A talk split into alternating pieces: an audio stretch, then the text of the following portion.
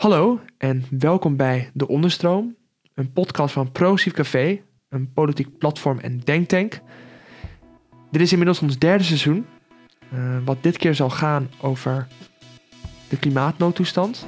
Uh, dat doe ik, Koen Bruning, samen met Tammy Schoots. In aanloop naar ons evenement op 7 maart in Pakhuis de Zwijger genaamd Een moreel beraad over klimaat. Met als subvraag, hoe ver durf jij te gaan voor klimaatactivisme?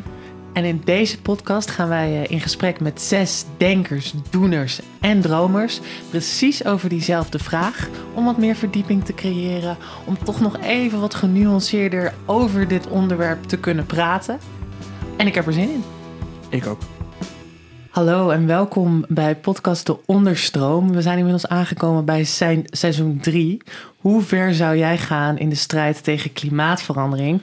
En ik zit hier met niemand minder dan Harriet Bergman. Harriet, zou jij jezelf in één zin kunnen introduceren? Ik doe mijn best, dat is alvast de eerste zin.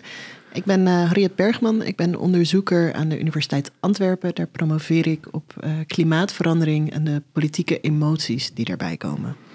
En daar gaan we zo nog verder over praten. Maar we beginnen elke podcast met een nieuwsbericht. En uh, jij wilde graag een uh, nieuwsbericht meenemen van Luzerat. En ik ga, voordat we beginnen, een paar fragmenten daaruit voorlezen. En dan ga ik zo vragen of je daarop wil reageren. Uh, dus ik heb hier een uh, bericht van NOS Nieuws voor me. En daarin staat: Duitse, Duitse politie haalt barricades en activisten weg rond Luzerat. Politiemensen zijn in de omgeving van het Duitse Luzerat wegversperringen en andere constructies aan het verwijderen, die daardoor milieuactivisten zijn geplaatst. Daarbij is het tot botsingen gekomen met betogers, zegt de politie van Aken, zonder verder in detail te treden. Nou, voordat we beginnen, wat is Luzerat?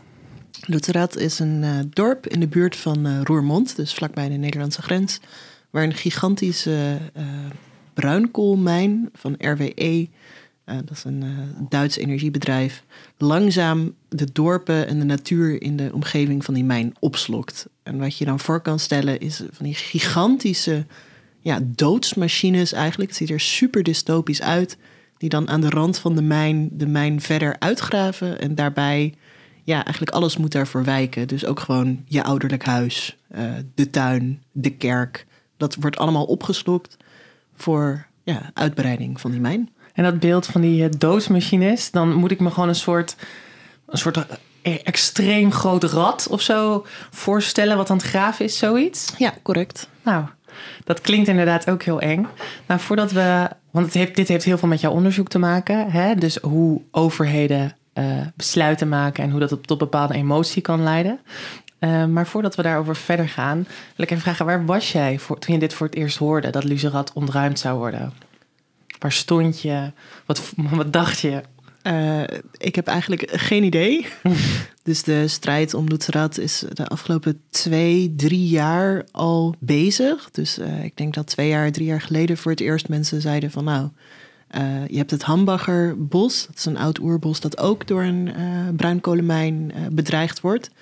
Oud stukje oerbos, oudste bos van Europa. Je zou denken, dit is een soort van natuurerfgoed dat beschermd moet worden, maar nee. dus heel lang was het Hambi blijft, die een soort van slogan was van de klimaatbeweging. En toen bleek dat Lutzerat op dezelfde manier bedreigd werd door dezelfde RWE uh, voor dezelfde onnodige uitbreiding van bruinkolen. Terwijl dat eigenlijk uh, het Duitse e- Instituut voor Economische Zaken heeft uitgerekend dat helemaal niet nodig is om bruinkolen nodig te hebben voor de transitie. En dat ook met de gasafhankelijkheid niet noodzakelijk is om dat te doen. Daarbij is het ook aangetoond dat iedere extra energie die er wordt toegevoegd aan het huidige energie, dat dat maakt dat er meer verbruikt wordt in plaats van dat er overgeschakeld wordt op schonere alternatieven. Dus eigenlijk zouden we dit gewoon niet moeten doen. En 2,5 jaar geleden hoorde ik hier voor het eerst over. Maar waar ik precies was, weet ik niet.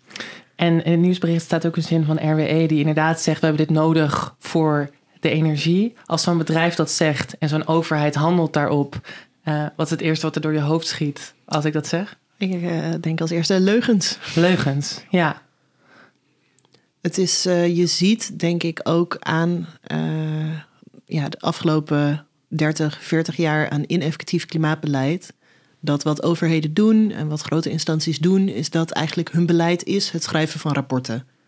Dus bijvoorbeeld het IPCC is niet een aanbeveling tot uh, overheidsmaatregelen, maar dat is de overheidsmaatregel.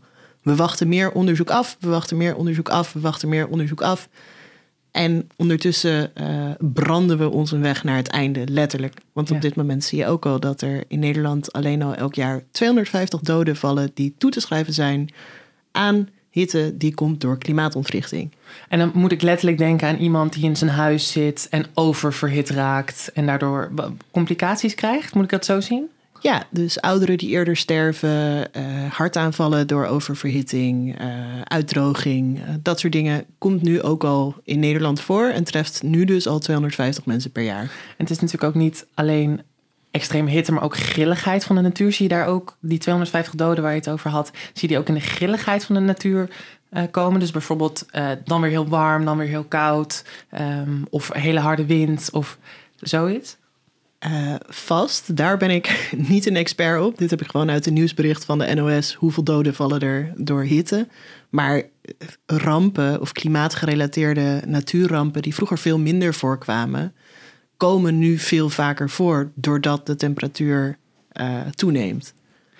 En we hebben een overheid, net zoals wat je net zei, die vertraagt, weinig besluiten neemt hierover. En dat is natuurlijk ook waar een deel van jouw onderzoek over gaat. Want kan je daar eens wat over vertellen? Over je onderzoek? Ik doe dus onderzoek naar politieke emoties en klimaatontwrichting. En uh, ik ben nu bezig met een hoofdstuk over klimaatactivisme en geweld. Dus wanneer wordt iets gezien als geweld? Wanneer wordt, wordt geweld als legitiem ervaren? Welke dingen die je gewelddadig zou kunnen noemen, worden niet als geweld erkend of herkend? En ook waar komt de inactie vandaan uh, in de westerse wereld of bij meer geprivilegeerde mensen, bij rijke mensen? Waardoor ze letterlijk uh, ja, bepaald geweld goedkeuren. Of zien en vervolgens niet zo handelen. En op die wijze eigenlijk sluit mijn onderzoek naar geweld, activisme, sociale verandering en klimaat sluit ook heel erg aan op uh, antiracisme strijd, ideeën van Black Lives Matter, uh, de, de, historische roots van klimaatontwrichting met kolonialisme. Daar zie je eigenlijk van niet alle mensenlevens tellen en niet al het geweld uh, wordt gezien als geweld, omdat sommige mensenlevens gewoon als minder belangrijk worden gezien. Dus dat zijn de loss and damages, uh, de statistieken, de mensen die we maar moeten afschrijven uh, voor in de naam van vooruitgang. En jij hebt het over geweld. Als ik dat nieuwsbericht wat ik net voorlas zou lezen, en als lezer dan zou ik denken, ja, maar die, die, die klimaatactivisten die verbreken toch de wet. Um, maar is, is, dus het is toch, toch goed dat ze dan worden, worden opgepakt? Nou, ik denk als eerste wat dit type activisme laat zien, maar ook nog niet genoeg laat zien, is dat de wet niet per se er voor de mensen is. Dus dat iets legaal is, betekent natuurlijk niet dat het moreel is. Dus dat Shell en allemaal andere bedrijven geen belasting betalen, dat mag dan legaal zijn. We zien dat niet als moreel. Op dezelfde manier mag het legaal zijn uh, dat er mensen uh, opgeofferd worden aan de winstzucht van bepaalde bedrijven, dat noemen we niet moreel. Waarom niet? Omdat we in principe zeggen, technisch gezien mag het. Nou ja, als je dat al moet zeggen voor je je gedrag verklaart, dan uh, kun je wel zien dat er eigenlijk maatschappelijke afkeur tegenover staat. Heeft dat ook iets te maken met de beeldvorming van Shell? Dat we toch graag bij Shell zouden willen horen? Of dat we toch een beetje, dat het heel erg gemarket is naar ons? Zo'n Shell die een soort gelijke dingen doet als zo'n RWE vanuit het nieuwsbericht. En het wordt toch naar ons gemarkt als Shell, ons nationale trots. Zit dat er ook in? Um, dat we dat toch meer pikken van zo'n groot bedrijf? Ik denk vooral dat uh, wie betaalt, bepaalt. Dus dat geldt voor onze overheid, uh, maar dat geldt ook op heel veel andere aspecten in ons leven. En de fossiele industrie heeft een gigantische lobby en een gigantische marketingcampagne. Uh, onder andere uh, van uh, de tabakslobby hebben ze vervolgens ingeschakeld om ook zelf hun eigen imago groen te wassen. Dat is volgens drie stappen gegaan. De eerste, het gebeurt niet. Tweede, de consumenten vraagt erom.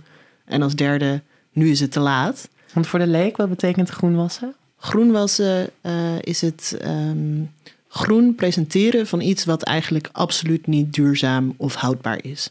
Dus dan kun je denken aan Shell die zegt: wij planten een extra boom als jij extra betaalt voor onze benzine. Of Shell die zegt, eh, we gaan investeren in duurzaamheid. Terwijl ondertussen de marketing die Shell besteedt aan duurzaamheid groter is, geloof ik. Ik pin me hier niet op vast, maar volgens mij groter is dan hoeveel geld ze daadwerkelijk aan schone energie uitgeven. Ja, volgens mij is het 5% uh, van hun inkomsten, geloof ik, wat ze uitgeven aan groene energie. Dus dat wat echt een Aan, heel- aan de tak die groene energie doet. Dus dat is volgens mij inclusief marketing. Inclusief, maar oh, dus dat is voor de volledige. Ja, het is niet dat die volledige 5% gaat naar zonnepanelen of zo. Ah, oké. Dat is. ja, nou, ik schrik daar wel een beetje van als je dat zo zegt. Dat ik denk van, het wordt natuurlijk wel heel erg naar ons gepresenteerd. En ik denk dat heel veel mensen die nu ook luisteren, als ze naar Instagram kijken, dat ze constant overladen worden met berichten van eh, naar een groene toekomst door Shell. Ja, ze presenteren zich natuurlijk ook als onderdeel van de oplossing. Mhm. Eh, daarom kunnen grote bedrijven die zich presenteren als onderdeel van de oplossing natuurlijk ook meepraten of mee organiseren met bijvoorbeeld een Conference of Parties, dus de COP.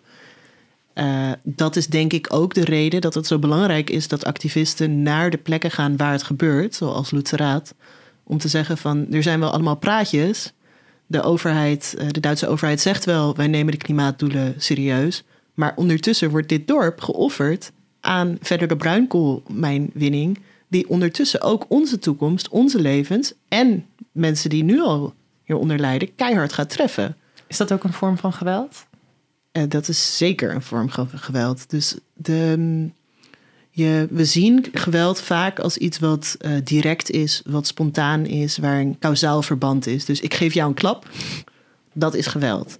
Maar als ik zorg dat jij dakloos raakt, geen vrienden meer hebt en op straat, slaat, op straat slaapt en langzaam sterft, dan kan ik dat allemaal doen van achter mijn bureau met handtekeningen, met formulieren.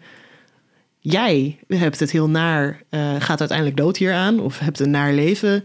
En ik heb gewoon mijn bureaucratische plicht gedaan. En toch wordt de directe klap, hè, als ik jou in je gezicht sla, wordt meer opgevat als geweld dan handtekeningen zetten of beleid dat uiteindelijk je leven totaal kapot kan maken. Is dat ook waarom je, als je zo'n nieuwsbericht leest, lees je vooral over het geweld van de activisten? Omdat het heel directe blo- blokkades zijn. Ehm, heeft dat er wat mee te maken, denk jij? Ik denk dat zoiets als het geweld van activisten dat dat dubbel is. Dus aan de ene kant, als er daadwerkelijk heftig geweld is, is dat veel spectaculairder. Tegelijkertijd is het ook dat bepaalde instanties sneller gehoord worden als er gesproken wordt over geweld. En dat het ook best wel uitvergroot wordt. Dus als je eh, dit dystopische beeld van die graafmachine des doods hebt staan bij een mijnrand, bij een vernietigd dorp. eh, dan zie je daar ook iets wat ik robocops zou noemen. Dus in full gear uitgerust geruste eh, militaire politie eigenlijk. Met kniebeschermers, beenbeschermers, helmen, schilden, wapenstokken. Ja, als daar een steen tegenaan komt, ik zou het zelf niet doen. Maar ja, ze zijn zo uitgerust omdat die stenen eh, totaal geen pijn doen. Ja. Dus ik, ik wil niet, ik was er niet bij. Ik, ik weet niet wat daar gebeurd is. Ik kan, niet, ja, ik kan daar niet een oordeel over vellen wat daar exact gebeurt. Ik kan me wel voorstellen, ja, als de ene groep betaald krijgt en een peperdure uitrusting heeft, en wapenstokken heeft om zich te beschermen. En daar eh, gaan wat stenen tegenaan. Dat je dat in verhouding moet zien. Ja, precies. En als nog even naar, naar die functie, wat die activisten er eigenlijk aan het doen zijn. Hè? En eh, Andreas Malm, schrijver en eigenlijk de intro, die heeft eh, eco, of de strijd tegen ecofascisme ook geïntroduceerd. Die maakte een vergelijking met een brandend huis. Kan je die voor ons uitleggen? Ja, dus Andreas Malm is een eh, Zweedse ecoloog Mhm. en filosoof. Eh, die onder andere het boek eh, Fossiel Kapitaal eh, heeft geschreven. Waarin hij uitlegt dat het systeem waarin we zitten eigenlijk ons vastzet op een bepaalde manier. En hij heeft vervolgens vanuit dit idee, dus over hoe de machtsstructuren precies werken, die maken dat klimaatontwrichting door kan gaan. Mhm. Daarvoor is zijn eerste boek belangrijk. Als je op die manier die machtsstructuur erkent, dan is er ook een ander soort activisme nodig dan alleen maar vriendelijk vragen. En wat voor structuur is dat dan? Welke wat voor machtsstructuur moeten we dan erkennen? Dus hij zegt dat eh, kapitalisme dat dat inherent verweven is ondertussen met fossiele brandstoffen. Eh, en dat zowel geopolitiek als cultureel als waar het geld zit, dat daar de fossiele industrie gewoon superveel voor het zeggen heeft. Dus eh, eigenlijk, om het even heel erg te versimpelen, omdat er heel veel geld mee gemoeid gaat, eh, dat kapitalisme, blijft die fossiele industrie maar branden en branden en branden. Moet ik het zo zien? Omdat er veel geld mee gemoeid gaat, maar ook door hoe onze infrastructuren gebouwd zijn en hoe onze identiteit, hoe we onszelf zien. Dus eh, er zijn bepaalde dingen die, waar heel veel geld mee gemoeid gaat, maar waar niet jouw vervoer van afhankelijk is en niet jouw voedselvoorziening van afhankelijk is. En geld alleen is dus iets anders dan een soort van lock-in waarin je letterlijk uh, vastzit aan het systeem zoals het nu zit. Dus om met de bus te gaan, moet de bus bij Shell tanken? Ja, bij wijze van spreken, ja. Omdat dat systeem zo zit en omdat daar dus heel veel... Uh, dat een specifiek type verandering is... dat mhm. veel meer vraagt dan bijvoorbeeld een dictator omverwerpen... dat dat alleen het verwisselen van personen is... en dit het verwisselen van de hele manier van leven... en hoe de maatschappij is ingericht is... Mhm. moet er dus ook meer gebeuren dan alleen één iemand of een groep mensen ergens van overtuigen. Er mhm. moet echt materieel iets veranderen. En wat Andreas Malm uh, herkent in de klimaatbeweging is dat hij heel lang uh, strikt pacifistisch is geweest. Uh, deels omdat zij denken dat als je iets lief vraagt, dat verandering dan komt. Mm Bijvoorbeeld Extinction Rebellion, die baseert zich daarbij op een boek van twee wetenschappers. En die wetenschappers die hebben onderzoek gedaan naar hoe sociale verandering werkt. En die hebben gezien of verzonnen dat sociale verandering het beste werkt als je geweldloos uh, actie voert, omdat je dan een brede beweging op kan bouwen die zich kan vinden in jouw demand, meedoet, het ermee eens is en dan voilà, verandert er iets. Malm zegt, ho ho ho, één, alle onderzoeken waarbij je op gebaseerd, alle case studies uh, werken allemaal net ietsje anders dan hoe het gepresenteerd is in dit boek. En twee, deze crisis is misschien wel net iets anders dan het om, omverwerpen van een dictator.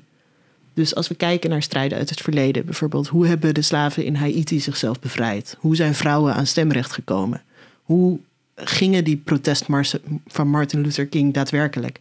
Als we naar al die gevallen kijken, dan zien we dat er ook een radicale flank was. Mhm. Dus een groep die verder ging dan de strikt geweldloze groep. Waarom? Omdat eigenlijk de argumenten en de ideeën en de zou je alsjeblieft willen veranderen, die bestonden al heel lang.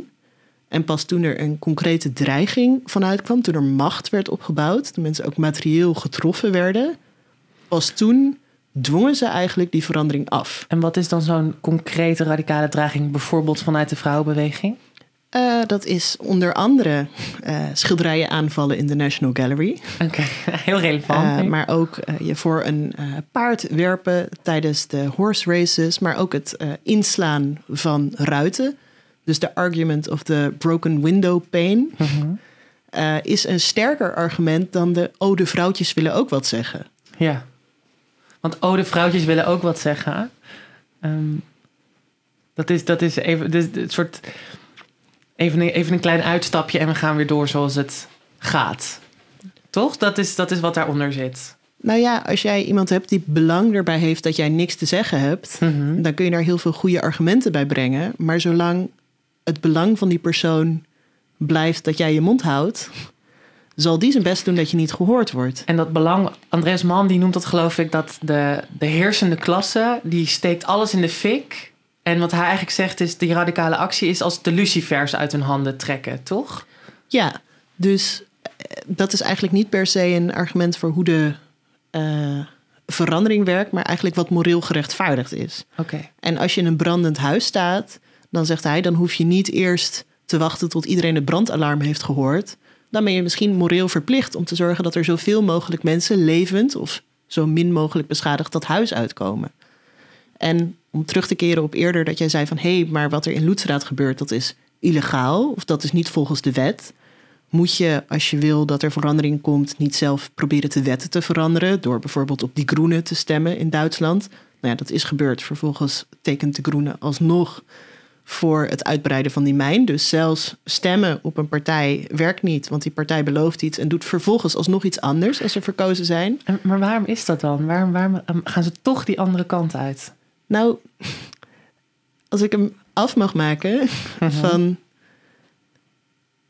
eh, waar, Het ging over even- eh, die, die heersende klasse, over stemmen. Hè? Dus je zou, wat we eigenlijk zeggen in een democratie, ja, maar dan stem je ze er toch uit na vier jaar. En je had het over, ja, maar die groenen worden dan verkozen.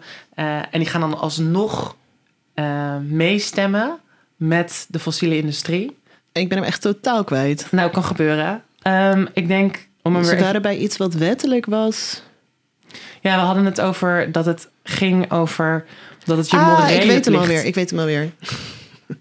Dus als je in een brandend huis staat, eh, moet je niet per se wachten tot iedereen het brandalarm hoort. Mhm.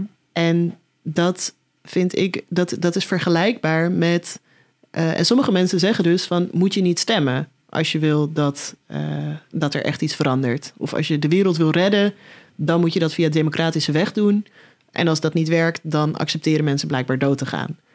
Maar als we die vergelijking met dat huis hebben, daar is het ook niet dat je zegt van nou ja, eerst moet iedereen het met elkaar eens zijn dat daadwerkelijk het brandalarm afgaat. Ze moeten het zelf gevoeld hebben, zelf gezien hebben. Ze moeten zelf ook besluiten dat het erg is dat het personeel in de kamer beneden sterft. Eh, je zegt gewoon van nou, we, we slaan die ruiten in, we gaan naar buiten, we redden zoveel mogelijk mensen. En eh, ik denk dat daar ook een soort van ehm, misunderstanding is, zou ik zeggen. In dat sommige mensen zeggen democratie voor alles. En dat ik zeg democratie is ook iets wat er is voor de mensen. Dus als we allemaal doodgaan omdat we het op democratische wijze probeerden te doen, dan is dat niet, eh, niet de uitkomst die we hebben gewild. Lijkt mij. En ook de democratie zoals die nu is, wordt beïnvloed door geld van de fossiele industrie. Wordt gevormd door een soort van draaideurpolitiek van D66'ers die van Shell naar de Tweede Kamer, naar de Eerste Kamer, naar Shell gaan. Ja, wordt beïnvloed door enorme desinformatiecampagnes. Ja, op die manier werkt het democratische proces ook niet. En dus als we, als we dan teruggaan naar die, die klimaatactivist in Luzerath... die daar een barricade op werpt. Dus de urgentie die die voelen is eigenlijk... voorkomen dat het huis in de, in de brand gaat. Nee, de urgentie die ze zien is dat het huis in de fik staat. Die Dus staat dit is geen fik. gevoelde urgentie. Dit is Mhm. een reële urgentie. En het is niet iets wat afgaat fikken of zo. Het is iets wat al in brand staat. Ook er wordt vaak gezien alsof klimaatverandering iets is van de toekomst. Hè? Oh, we doen dit voor onze kinderen. Nee, op dit moment gaan er mensen dood aan klimaatontwrichting. En, en eh, jij bent een wetenschapper en ehm, jij hebt denk ik ook contact met andere klimaatwetenschappers. Hoe, eh, wat zijn de verschillende perspectieven daar? Want als je het me zo vertelt, dan denk ik: oké, we staan met allemaal met de neus op eh, één kant op. Is dat ook zo? Eh, ik ben filosoof. Dus ik ben Mhm. filosoof die onderzoek doet naar klimaat en naar hoe mensen daarover denken. Dus in die zin ben ik natuurlijk al een ander type wetenschapper dan bijvoorbeeld iemand die in de oceanografie werkt. Hè? Mhm. Of iemand die bijvoorbeeld stedenbouwkunde heeft eh, gestudeerd en nu als stedenbouwkundige kijkt naar op welke manier treft klimaatontwrichting eh, een stad en hoe moeten we die anders inrichten. Dus aan de ene kant is het onderwerp zo breed dat er heel veel verschillende perspectieven zijn. Mhm. Maar een paar, als dat is waar je naar op zoek bent, naar een paar hoofdlijnen van waarin mensen verschillen? Of Nou, kijk, ik snap wat je bedoelt. En ik snap ook wel dat iedereen vanuit een ander perspectief praat. Maar precies wat jij nu zegt, ja, het huis staat eigenlijk al in de fik. Hè? Dat, is, dat, is letterlijk, dat is niet een gevoel, wat je net ook benoemt. Dat is niet een reële intentie, maar dat is, dat is wat er feitelijk nu aan de hand is. ja, Eh, en of je nou in, in de oceaan zit, wat opwarmt, of een stedenbouwkundige bent, met wat, wat ook bemoeilijk wordt door warmere temperaturen. Volgens mij kunnen we met z'n allen zeggen: het huis staat al in de fik. Ehm, wordt dat ook zo gevoeld door de klimaatwetenschap? Of is dat totaal. ehm, of is daar niet een consensus over? Moeten we, moeten we met, gaan zij allemaal de barricades op nu? Of, of is dat totaal niet wat daar aan de hand is? ik denk dat je ook nog een verschil moet maken tussen herkennen mensen dat er iets gebeurt en zijn ze bereid om de persoonlijke offers te maken om daar iets aan te doen. Dat is een goede distinctie, ja. Omdat eh, vrijwel iedereen herkent dat er iets gebeurt. Ehm, dan net iets minder mensen eh, durven dat eh, publiek te zeggen. Een klein deel van de wetenschap wordt ook gewoon omgekocht en beïnvloed door Shell en door andere fossiele bedrijven. Want dat durven zeggen, waar, waar zit dat hem in? Waarom, waarom wil een klein Als, je, deel... als jouw onderzoek gesponsord wordt door Shell, of als jij geblackmailed wordt door de fossiele industrie, of als jij financieel belang hebt bij bepaalde onderzoeksresultaten, dan durf je die ja, onderzoeksresultaten die tegenspreken waar jij direct belang bij hebt, misschien minder eh, hard van de daken te roepen of te publiceren. Dus er wordt vaak gepraat over academische vrijheid. Nou, een groot gevaar van academische vrijheid volgens mij is op welke manier onderzoek gesponsord wordt. En wie daar eh, belang bij heeft dat er bepaalde ja, antwoorden uitkomen. Dus er is wetenschappelijke consensus, dat kunnen we zien in het IPCC-rapport, over dat klimaatontwrichting echt is, dat het bestaat, dat het gaande is, dat we daar iets aan hadden moeten doen en ook nu zoveel mogelijk aan moeten doen. Daar zijn bijna alle wetenschappers het over eens. Dan of ze vervolgens een stap zetten van we gaan nu activisme doen, is natuurlijk een andere vraag. Omdat activisme, ja, voor mij is het bijna een kausaal verband. Van als je ziet wat er gaande is, als je dat moreel afkeurt, wat me nodig lijkt, dan probeer je daar wat aan te doen. Maar wat je daaraan doet en hoeveel je daaraan doet, dat is natuurlijk maar de vraag. En ook voor mezelf, uh, en ik denk voor bijna iedereen, kun je zeggen dat het ook nog een vorm van ontkenning is dat wat we doen uiteindelijk niet genoeg is. En we dat ook weten. Dus je hebt iets van letterlijke ontkenning, van het gebeurt niet. Je hebt causale ontkenning, van het gebeurt, maar misschien niet door de mensheid. En je hebt uh, ontkenning van implicatie, van het gebeurt. Het komt door handelen van specifieke groepen mensen. Want het komt natuurlijk niet door de mensheid, maar door misschien kapitalistische winstzucht of een bepaalde manier van met de wereld omgaan.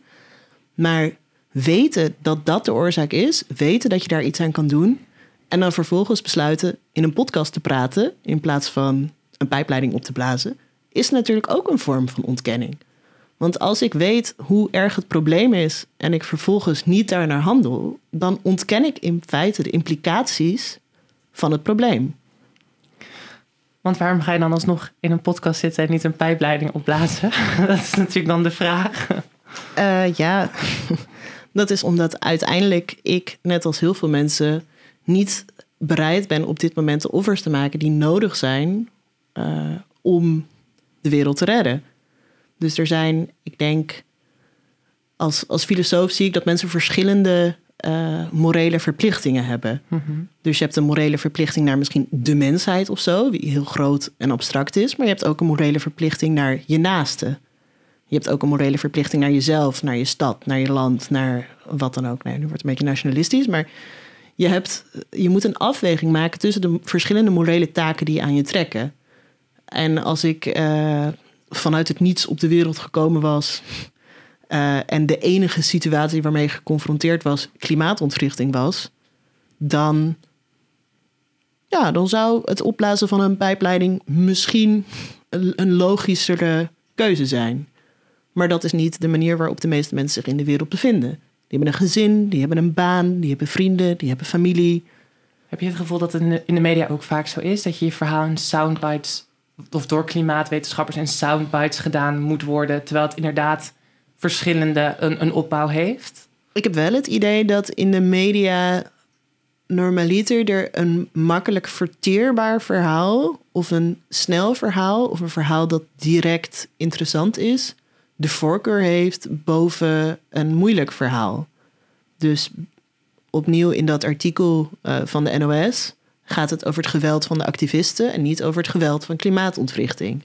Omdat die tweede vorm van geweld, langzaam geweld, gewoon veel moeilijker is om een concreet beeld bij te hebben en veel moeilijker aansluit bij het mensbeeld dat de meeste mensen hebben. Dus uiteindelijk de meeste mensen vinden het fijn om bevestigd te worden in hun wereldbeeld. Nou, dat hebben we denk ik allemaal, dat is iets natuurlijks. Maar helaas is het wereldbeeld op dit moment uh, herkenbaarder, deels ook gewoon door continue herhaling, dat uh, klimaatactivist is gevaarlijk, gooit steen, is een herkenbaarder ding om in het nieuws te brengen dan Pakistan overstroomt, iedereen dood, jouw schuld. Ik vraag me dan ook wel af, um, want je hebt het, hè, Pakistan, daar ook eh, dat is ook ver weg. Maar ook als het bijvoorbeeld hier in Limburg gebeurt, grote overstromingen, dan lijken we ook, dat lijken we ook alweer te zijn vergeten. Dus ook als het dichtbij gebeurt, lijken we dat misschien wat meer van ons af te willen houden. Ehm, het valt me ook wel op ehm, dat het steeds dichterbij komt, maar ook hè, 16 graden met nieuwjaar. Dat is een hele directe vorm van klimaatverandering, maar niemand praat daar meer over. Ik vraag me toch een beetje af, ook in die politieke emotie, die reactie daarop. Ja, waar zit dat dan, het, het hem dan in? Dat je, kan het, je kan het letterlijk voelen, maar alsnog willen we toch op die bekende weg doorgaan. Ehm, ik, ik, ja, waar, waar komt dat dan vandaan? Vraag ik me af. Welke emotie is dat toch? Ik merk ook wel bij mezelf dat ik denk van... oh ja, maar probeer het nog maar even leuk te hebben of zo. Hoe zou je dat dan duiden?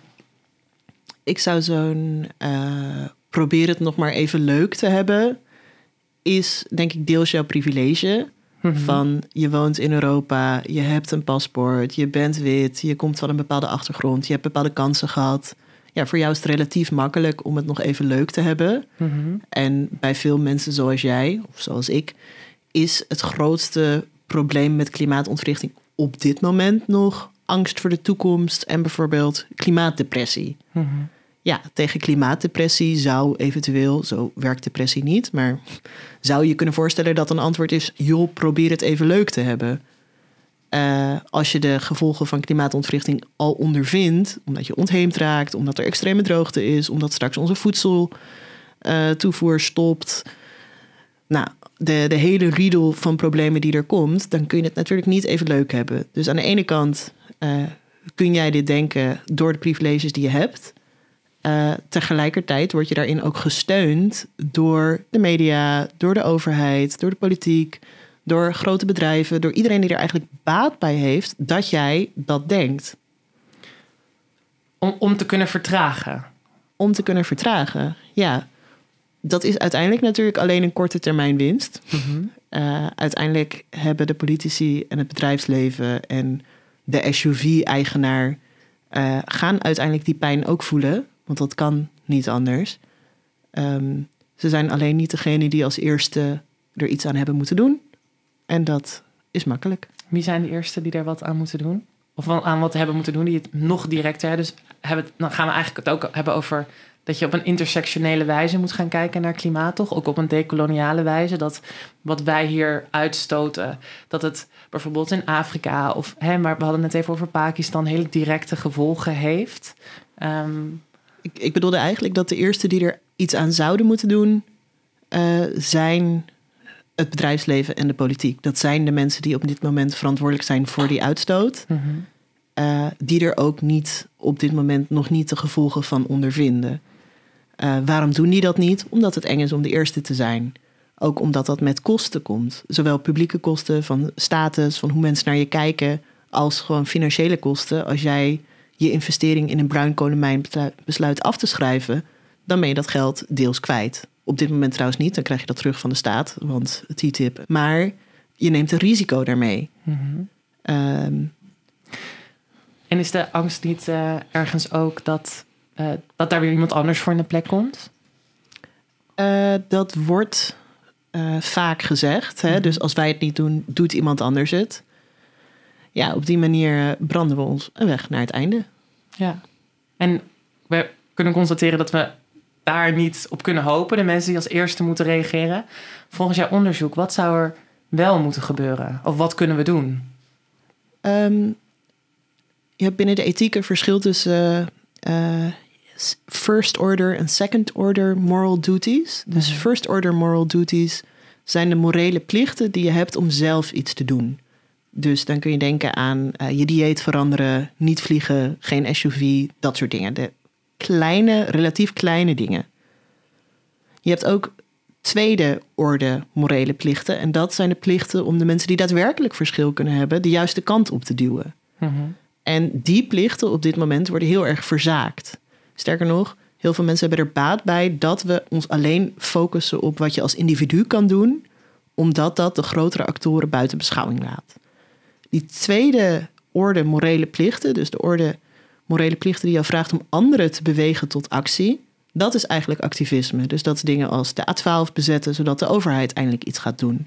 Maar het is ook een kolenmijn ingaan om het stil te leggen. En het kan misschien uiteindelijk ook het kapotmaken worden van de dingen die ons uiteindelijk kapot zullen maken. Zoals een SUV eh, de band leeg laten lopen, zodat hij die dag in ieder geval niet kan uitstoten. Of een vliegtuig aan de grond houden. Dus we moeten, we hebben radicalere acties nodig. Ehm, Wel als het gaat over, over hoe het klimaat nu aan gorten wordt geholpen. Dat vraagt om radicalere acties. Mag ik het zo zeggen? ja, dat vraagt om acties die kijken naar de wortel van het probleem in plaats van de symptoom. En ons Mhm. consumptiegedrag is een symptoom. Eh, kapitalisme of winstzucht of fossiele industrie is de wortel. Dus in die zin radicaal. Ook radicaal in de zin van dat er gewoon het, het spectrum van mogelijke acties uitgebreid moet worden.